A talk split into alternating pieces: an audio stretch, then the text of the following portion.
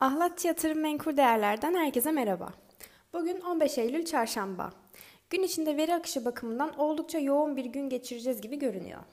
Verilere baktığımızda sabah saatlerinde Çin sanayi üretimi verisi ve İngiltere tarafında ise üfe ve tüfe verileri açıklandı. Çin sanayi üretimi beklentinin biraz altında 5,3 oranında açıklanırken Çin tüfe verisi yıllık bazda beklentinin üzerinde 3,2, İngiltere üfe verisi ise yıllık bazda yine beklentinin üzerinde %11 olarak açıklandı.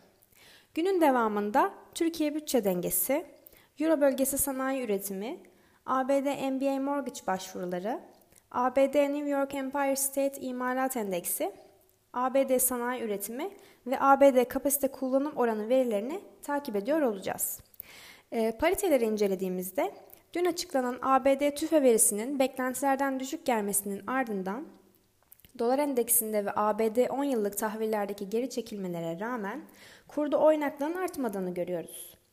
Bunun yanında Türkiye Cumhuriyet Merkez Bankası zorunlu karşılık oranlarını 200 bas puan arttırdı.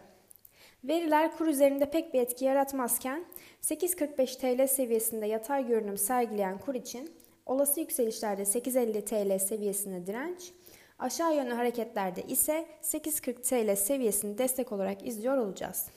Ons altın tarafında da aynı şekilde ABD tüfe verisi sonrası 1800 kritik direncinin üzerinde fiyatlanan ons altın için 1800 dolar seviyesi üzeri fiyatlamalarda kalıcılık sağlandığı takdirde 1810 dolar seviyesi direnç konumunda bulunuyor.